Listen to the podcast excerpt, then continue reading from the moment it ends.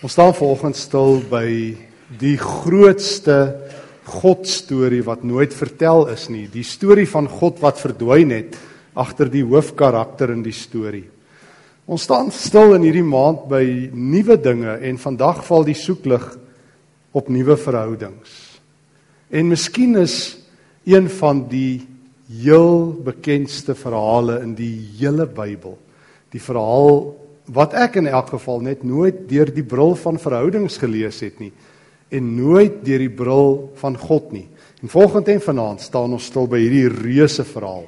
Die verhaal wat jy mee opgegroei het, die verhaal wat jy van soos die ou lied gesê het, ek het nooit geweet wat dit beteken nie, maar ek onthou daar was 'n gesang wat ons gesing het van kindsbeen af. Ek het kindsbeen gehoor. So ek het altyd gewonder hoekom sing ons oor kindsbene? Maar uh elk geval wat ons van kindsbeen af geleer het, die Josef storie. En ons gaan vanoggend stil staan by die eerste die eerste blok van hierdie storie. Um Genesis 37 breedweg tot by uh so by Genesis 41 rond en vanaand by die tweede gedeelte want dit is twee verhale. Josef se storie is super bekend. Ek is seker jy ken dit as ek sê Josef met sy mooi klere. As ek sê Josef met sy drome. As ek sê Josef voor wie sy boeties gebuig het of wat hy in die droom vir hulle van vertel het. As ek vertel hoe hy weggevoer word en hoe hy by Potifar aanland, dan die Potifar wat haar hande nie van hom kan afhou nie. Josef in die tronk, die skinker, die bakker, die droom van die farao, die koeie wat hom uh, wat die sewe vet en die sewe maar koeie. Josef wat koning word, onderkoning van Egipte. Josef wie se broers kom koring koop. Ehm um, die komplotte tussen hom en sy broers of Josef se planne. Uiteindelik Jakob wat aankom, uiteindelik uh, Jakob en Josef wat verenig en Josef wat op 110 jaar sterf. Ons sluit vanoggend aan by Josef vanaf ouderdom 18 tot ongeveer so rondom ouderdom 6 37 want dit word vir ons baie goed gedateer sy ouderdom soos ons deur die verhaal loop. Maar geliefdes, hierdie verhaal is so groot, jy jy dit is nie verstommend dat dat Hollywood dit opgetel het en dat daar animasie stories en vollengte Hollywood epiese films oor Josef gemaak is nie.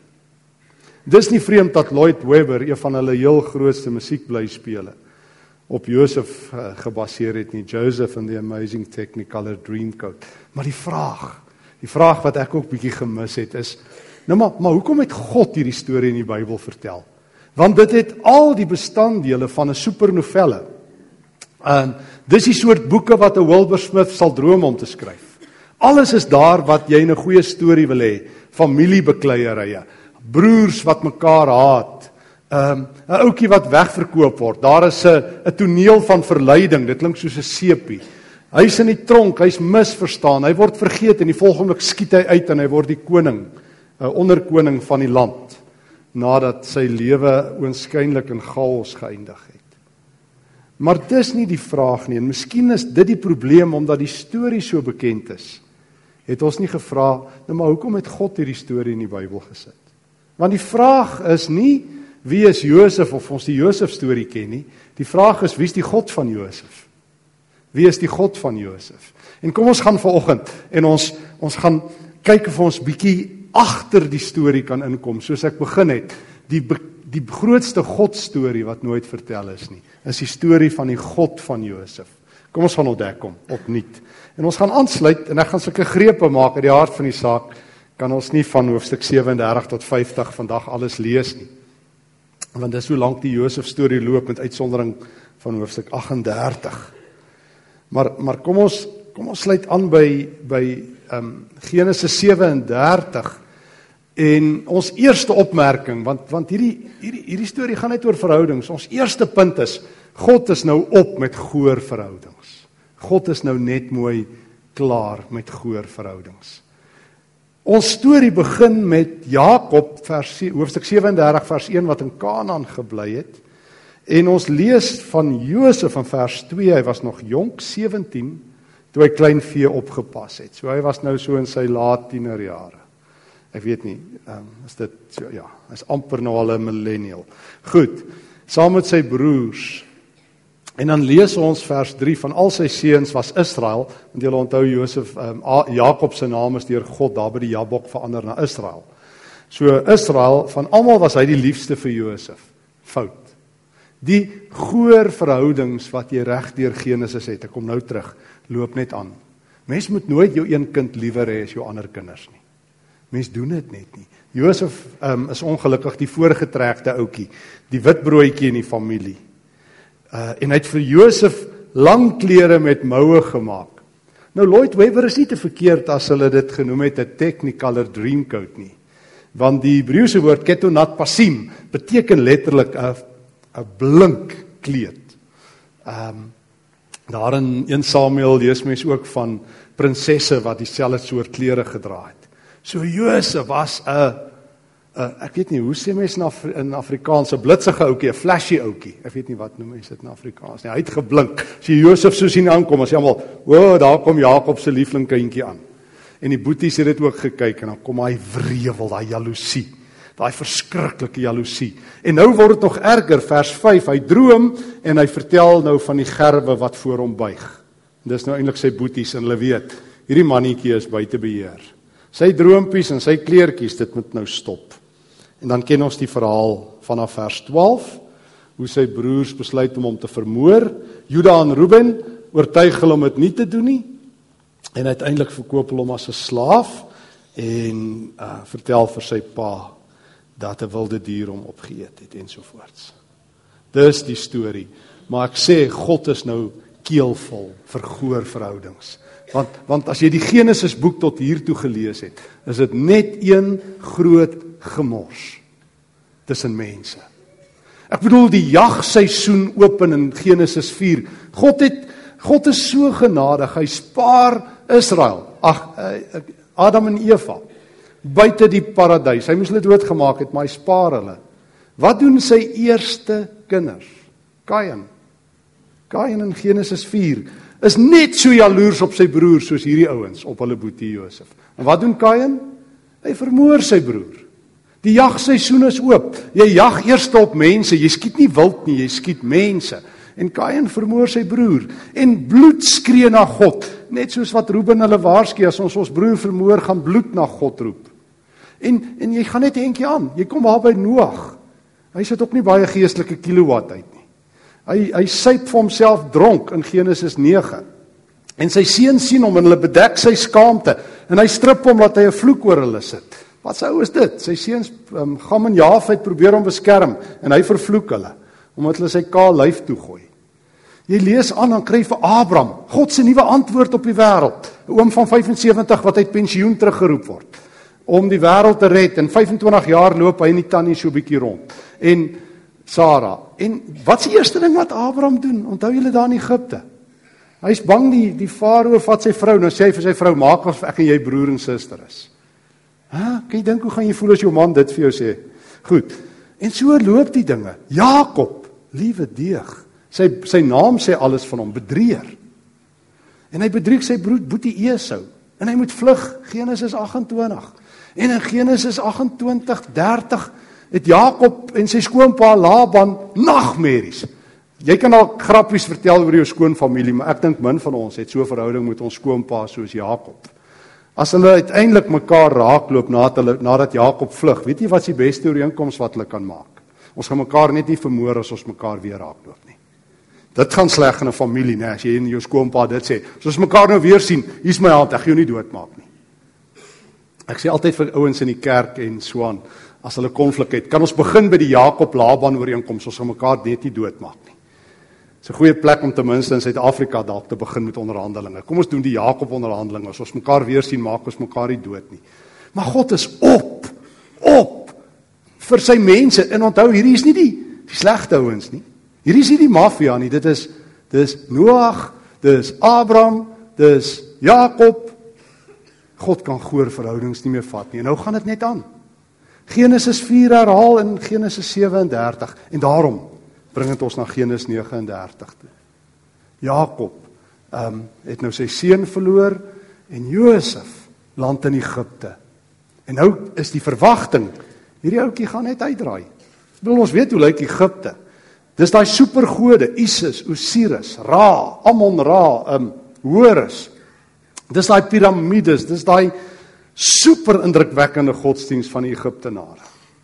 En jy verwag klein Josef 17 jaar oud gaan val onder die Egiptiese gode. En veral as hy land by Potifar, die hoof van die sekuriteitsmagte van die farao, hy is die hoof van die farao se spesmagte. Magtige ou. Hy moet die farao beskerm. Maar dan gryp God in en hier is die tweede punt. God groei nuwe verhoudings. God is so op met ou verhoudings. Hy's so op met mense wat mekaar in die rug steek, met families wat mekaar uithaal, met jaloesie, met hierdie agterbaksheid mense wat mekaar heeltyd by dat God sê, nou gryp ek in. Soos ek ingryp by Babel, soos ek ingryp by by by Abraham, so gryp ek in verhoudings in. Hoor mooi, en ons mis hierdie punt. God kan nie goeie verhoudings vat nie. God kan dit nie vat dat daar soveel skoonmoeder skoonma grappies rondloop en dit eintlik ernstig is, dis hoekom dit vertel word nie. God kan dit nie vat dat paas en seuns so met mekaar beklei en mans en vrouens hulle huwelike so verwoes nie. En daarom sê God, ek is die God van nuwe verhoudings. Ek begin nuwe verhoudings. Ek groei nuwe verhoudings. Geliefdes, die vraag is nie vir vir Genesis 39 of jy in God glo nie. Die vraag is of God in jou glo. Kom ons lees Genesis 39 vers 1 tot 5. Josef is toe na Egipte toe gebring. Potifar, amptenaar en hoof van die leiwag. Nou ek bedoel, jy moet daai posisie verstaan as jy die Hebreëus se term wat daar gebruik word. Hy is die hoof van sy eintlik sy spesiale weermag, sy spe, sy spesmagte. 'n Egiptenaar van geboorte het vir Josef by die Ismaeliete gekoop. Maar nou moet jy lees van vers 2 tot vers 5 hier is die leidraad. Want ons sê ons is besig om God se roete te spoor. 5 keer in vers 2 tot 5 word die verbondsnaam van die Here gebruik. En weer 'n keer, ons gaan dit nou lees in vers 21 tot 23 drie keer. Nou jy wag vir God se verbondsnaam tot Eksodus 3. Jy onthou as Moses daar by die bos is wat brand die brandende bos. Maar vra Moses vir die Here, wie sal my, wie sal ek sê stuur my? Dan sê die Here, ek is Jahwe, die verbondsgod van Israel. Hier word die verbondsnaam van die Here 5 keer gebruik vanaf vers 2 tot 5. Dis geweldig belangrik.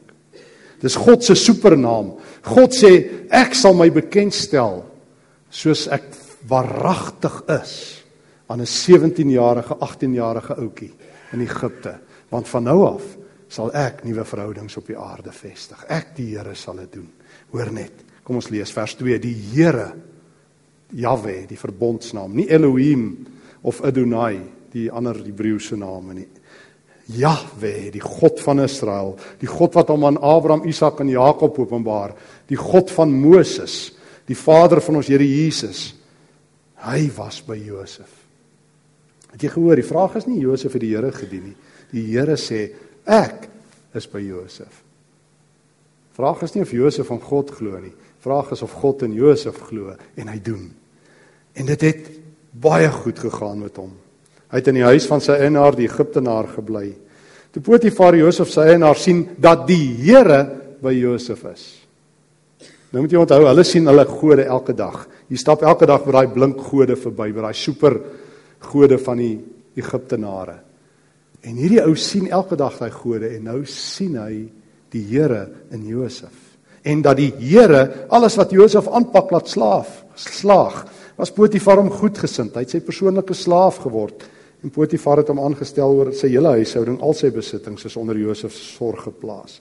Van toe af het die Here gaan nou daai lees die Heer, die huis van Josef eh, van Potifar geseën. Dit was oor Josef dat die Here dit gedoen het. So hier's die ding geliefdes. God gryp in in verhoudings God is die God heel eerste van verhoudings. Hy is nie die God van dinge nie. Hy is nie die God van planne nie. Ek is baie keer so bang ons het so 'n Griekse godsbeeld in ons koppe. Hierdie soort uitdrukkings wat ouens gebruik verraai dit die heeltyd. Daar's 'n doel met alles en wat moet gebeur sal gebeur. Everything happens for a reason. Almal al wat beste uitdrukking wat Christus deesdae oor God het hy se beheer. Maar jy praat nie daai taal as jy familietaal praat nie. O, hy is die almagtige. Maar God kom nie elke keer en sê ek is in beheer nie. Hy sê ek is by jou. Hoor mooi, hy praat nie rasionele taal nie want om vir iemand te sê God is in beheer, sê ek is nou ek kan nou rasioneel nie meer die wêreld verstaan nie. Nou maak ek maar 'n rasionele uitspraak, maar ek weet nie wat dit beteken nie. Maar God maak relasie uitsprake. Ek is by jou. Hoor die verskil. Moet mooi dink. Dit gaan jou teologie vir altyd verander as jy die verskil verstaan. Tussen rasionele antwoorde, toe maar jy sal later verstaan of toe maar God is by jou. Totaal ander prentjie. God is by jou.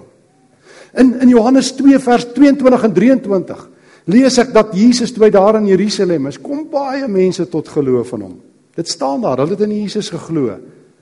Dan lees ek die skokkendste woord ooit en jy moet hom in die skuis, mense moet dit in die Grieks lees.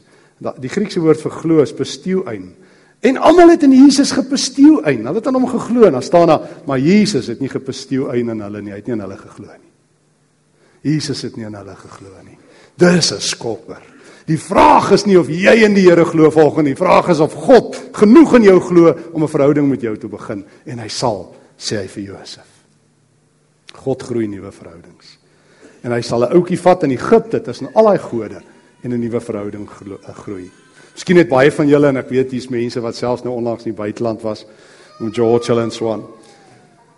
En ek weet hoe hard is dit. Ek weet as die ouers terugkom en sê hulle, "Jesus, ons weet nie hoe gaan ons kinders glo in die Here nie." Hier's die ding, ek sê altyd vir hulle, "Gaan lees die Josef storie, maar leer die God van Josef ken." God kan in Egipte 'n nuwe ding doen. Dis maklik om in Jerusalem in God te glo. Maar die vet weet jy in Egipte is dan moet God in jou glo. As dit gee nie maak nie. Dis maklik om in die ou Suid-Afrika in God te glo. Dis bietjie moeiliker in die nuwe Suid-Afrika. So bietjie moeiliker. Ons is 'n postchristelike samelewing. Julle wat hier in die kerk saam met my sit, ons is die eerste generasie wat van 'n Christelike na 'n postchristelike samelewing binne 10, 15 jaar geskuif het. Ons het geskuif van Jerusalem Egipte toe. God sê, ek is in Egipte. Ek is in Egipte ook. Ek hou ook van Egiptenare. Ek gaan hulle land red, hulle weet dit nog nie. Ek gaan een ou gebruik Josef, want ek gespreek, maar gaan hulle land red omdat ek van mense hou.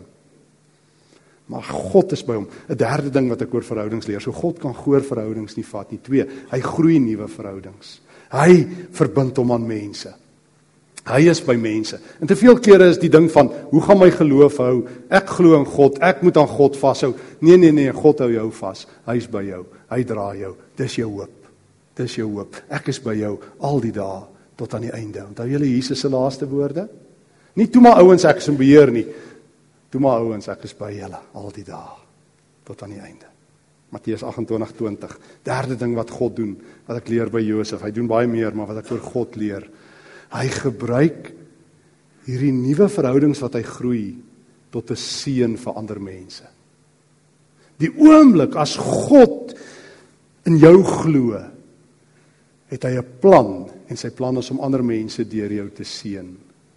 Hoor mooi, jy is hier tot 'n seën vir ander mense. Hoor mooi, jy het nie gehoor nie. Jy's hier tot 'n seën vir ander mense. Jy's nie hier om 'n goeie lewe te leef, om goeie pensioen bymekaar te maak, om 'n hijack die week te dodge, om eers uit te vind wat God se wil vir jou lewe is nie. Jy's hier om jy's geseën om 'n geseënde te wees. Toe die Here vers 5 van toe af het die Here die huis van die Egiptenaar geseën. Dit was oor Josef dat die Here dit gedoen het. Is dit nie aangrypend nie? God seën die spasie rondom jou. Ons is so gewoond daaraan, ons het so blind geword dat ons die heeltyd net vertel, kyk hoe lyk dit in Suid-Afrika. Dis omtrent die enigste ou snaar wat almal saam kan speel.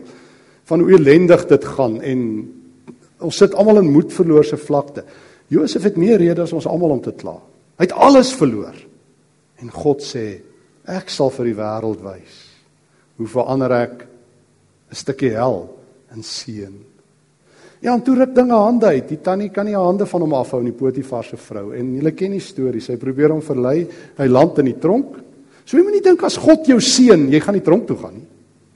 Daar beland hy in die tronk. So Josef gaan nou dalk kon gevra het soos meeste ouens, nou waar's die Here nou? Hy doen dit nie want hy weet die Here is by hom. Dis die verskil. As jy moet daai teologie vasgevang is van daar's 'n doel met alles en God is in beheer, dan gaan jy nooit iets verstaan nie. Maar as jy 'n gesonde teologie het van die Here is by my. Dan kan jy in 'n tronk sit en sê wat het verander? Die status het nie verander nie. God is wie God is. Hy's by my. Soos Paulus. So as jou teologie skuif van God is in beheer na God is by my. O, hy is die almagtige. Hoor mooi, ek sê nie hy is nie beheer nie, ek sê hy is die almagtige. Maar die taal van God is die taal van familie hoe jy ontmoet. En raai wat gebeur in die tronk vers 21. Terwyl Josef in die tronk was, is die Here by hom. Josef verstaan niks daarvan nie, maar hy hoef nie, want God gee nie vir hom 'n rasionele antwoord nie, hy gee vir hom 'n relasionele antwoord, 'n verhoudingsantwoord. Josef, die status het nie verander nie, ek hou van jou. Dis sleg wat gebeur het, maar raai wat as God by jou is, hou hierdie spasie dop, kom ons verander die tronk. Ons het Potifar se huis verander, kom ons verander die tronk, want dit is wat God doen. Hy verander sy kinders in mense wat ander mense seën.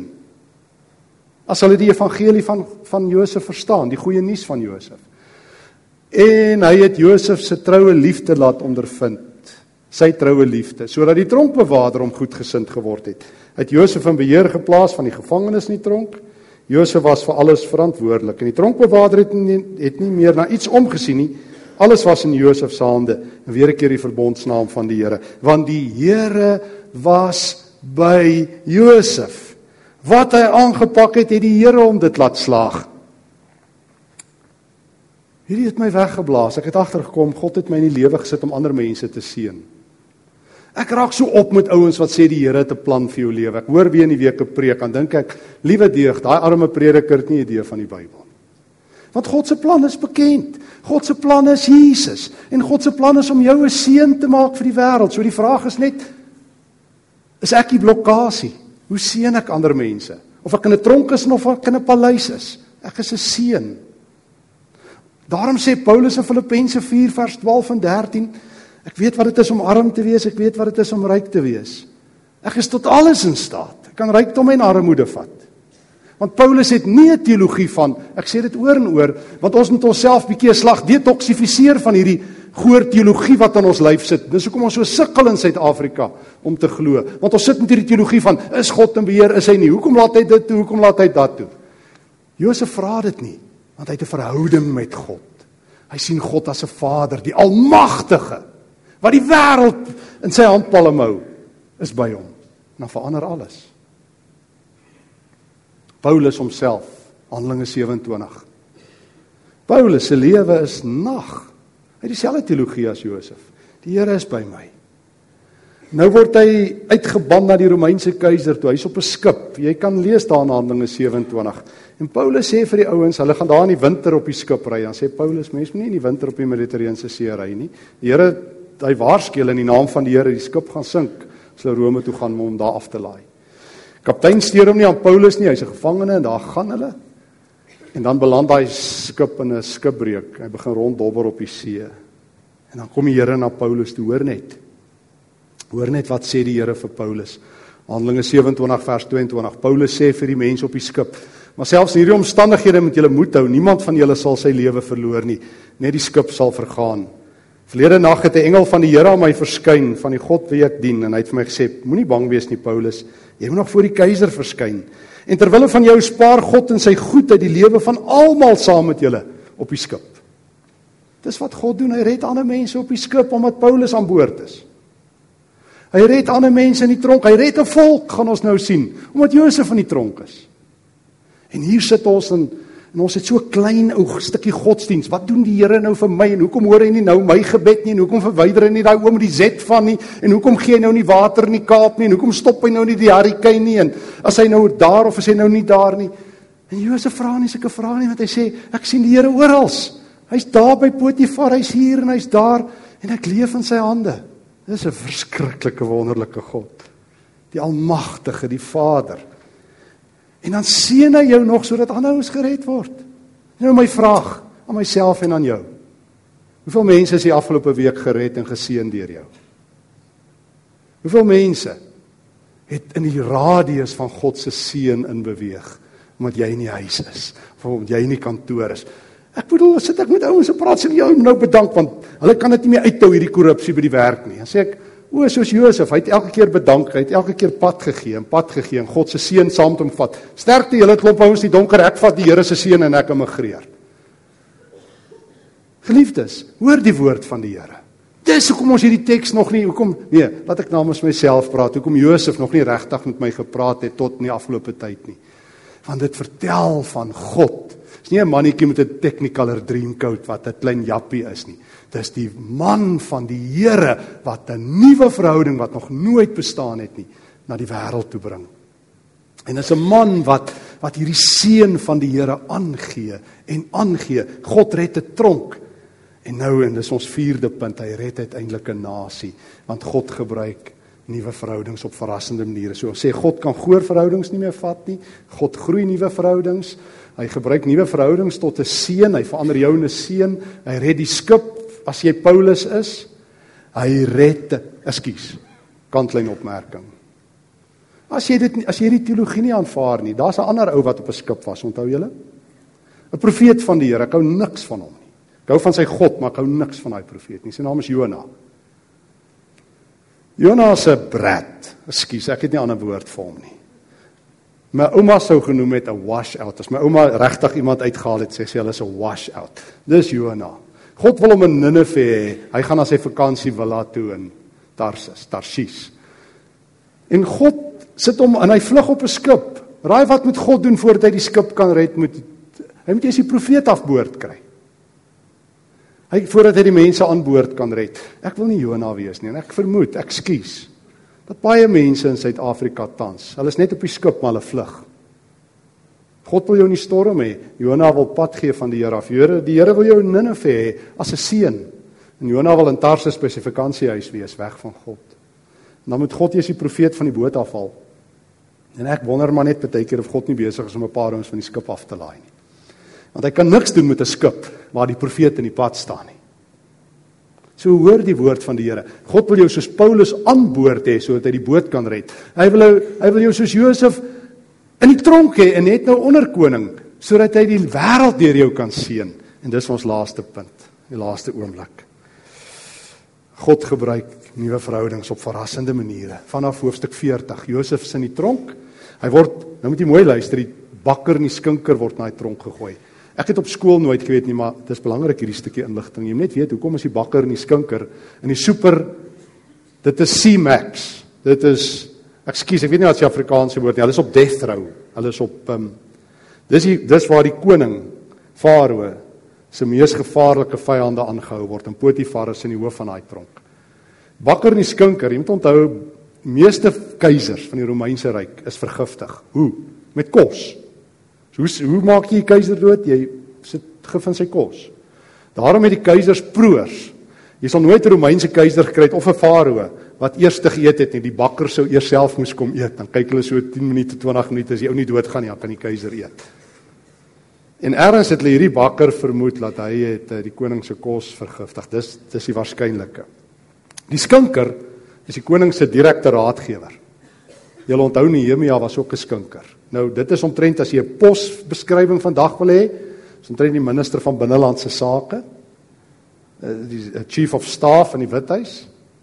Dis die ou wat as die koning want meeste konings as hulle kuier kuier hulle aanhoudend.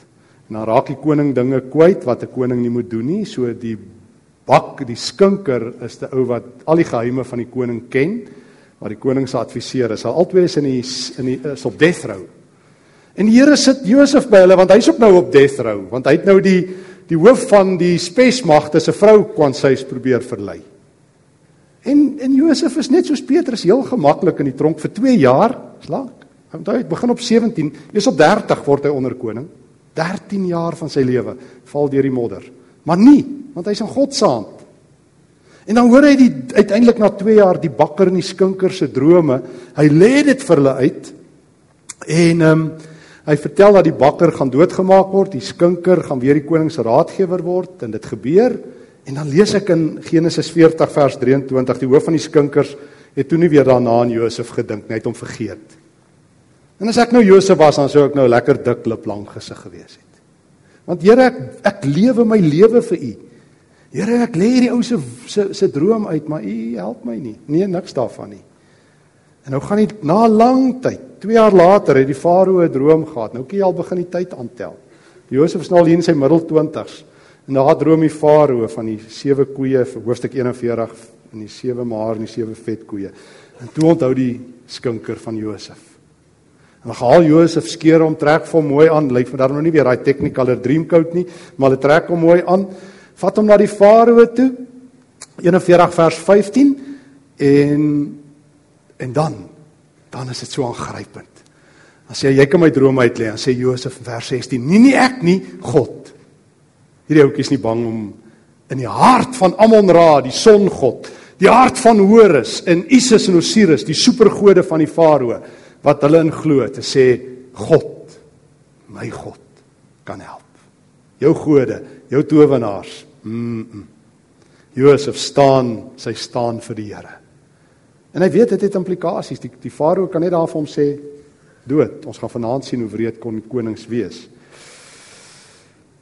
Vers 25. Toe sê Josef vir die Farao, "Het maar um, een droom gehad wat God wil sal hy aan hom meedeel. Dan vertel hy hom van die 7 maar jare en die vet jare. Maar weer in vers 28 en weer in vers 32 bely Josef die ware God. Dan lê hy die farao se droom uit en dan gebeur daar 'n merkwaardige ding. Dan maak hy hom die onderkoning vers 45 46. Hy verander sy naam Josef Safenat Paneag. Ek bly dis nie my naam nie, maar dis syne. Josef Safenat Paneag. Ek dink jy moet dit vir jou kind noem. Weet nie wat noem mense hy was 30 jaar oud en hy gee ook vir 'n vrou so vanaf ouderdom 17 tot ouderdom 30 is hierdie man se lewe. Maar wat doen die Here in hierdie 13 jaar langer? Um, hy vorm Josef se karakter. Die Here is by hom die Here seën almal rondom hom nou seën hy die farao nou rig God hom op en hy word die koning van die onderkoning want God sê ek sal my almag laat bewys En weet julle wat leer ek hier? God hou nie net van gelowiges nie, hy hou van die Egiptenare ook. God hou nie net van die de kerks nie, hy hou van die van die kerks ook. En ons moet dieselfde wees. God het sy vyande lief. Jesus sê God laat sy reën val op goeies en slegtes. En dan gee hy vir Josef 'n vrou en hy gee hom twee kinders met twee pragtige name, Manasse vers 51, want God het my alles laat vergeet. Uh en vers 52 Efraim want God het my vrugbaar gemaak. Geliefdes, wil afsluit. Ons gaan vanaand verder. God is die God van Josef. Hy's jou God. Dis nie net 'n storie oor iemand nie, dis die storie van God wat goeie verhoudings uitsorteer. Dis die God wat sê, dis nie vir my genoeg dat jy in my glo nie, ek wil in jou glo. Ek wil in jou glo en as ek in jou glo, is ek by jou en dit moet jou teologie verander. Ek is by jou. Of die son skyn of die son onder is, of jy werkvol is of werkloos, of jy arm is of ryk, man of vrou, swart of wit, ek is die Here. Ek is by jou. Dit gaan jou troos wees en ek wil graag jou seën en ander mense deur jou seën. Ek wil hê soos Potifar met ander mense sien, die Here is by jou. Die Here is by jou. Hulle oë moet oopgaan. En ek wil jou graag op verrassende maniere gebruik. Jy weet nie wat ek vir jou in gedagte het nie, maar dit gaan wonderlik wees, vertrou my. Vra vir Josef. Ek gaan 'n bakker en 'n skinker se lewe raak. Ek gaan 'n farao raak. Wat gaan ek nie alles doen deur jou nie? En nou wil ek vra. Hoe lyk jou lewe? Hoe lyk jou verhoudings? Mag ek vra glo God in jou? Mag ek vra in die Here se naam Seën God alle verhoudings waarin jy betrokke is.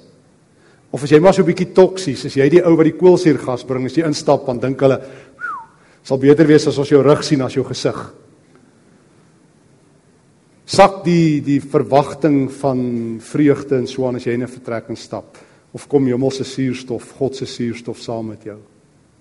Here het ons gered, broer en suster, liewe jong mense, vriende, om 'n seën te wees. En as jy dit in Egipte kan doen man alleen, dan kan ons waaragtig in Suid-Afrika die verskil wees wat God ons bedoel het om te wees. Hoor die woord van die Here. Gaan groei nuwe verhoudings, die verhoudings wat God met jou groei. En gaan kyk, God gaan jou op verrassende maniere gebruik in hierdie week. Hou die spasie dop. God verras mense deur wie hy mooi verhoudings groei. Amen. Here baie dankie vir die woord. Dankie vir hierdie stukkie reis saam met Josef waarvan ons net die vernis kan afkrap. Dankie dat U die God van Josef is en ook ons God. Dankie Here dat dit nie in die eerste plek gaan of U in beheer is nie, maar in die eerste plek gaan of U by mense is. U is die almagtige. Alles is U sinne. U hou nasies en volke in die handpalm. U beskik. Maar dankie dat U dit as 'n Vader doen en nie as 'n despoot nie. Dankie dat U die Vader van Jesus is en dankie dat U naby my ook kom loop. Ag Here, ekskuus, ek is baie keer meer 'n probleem as 'n seun, verander dit alles. Maak my 'n seun. Vra dit in Jesus se naam. Amen.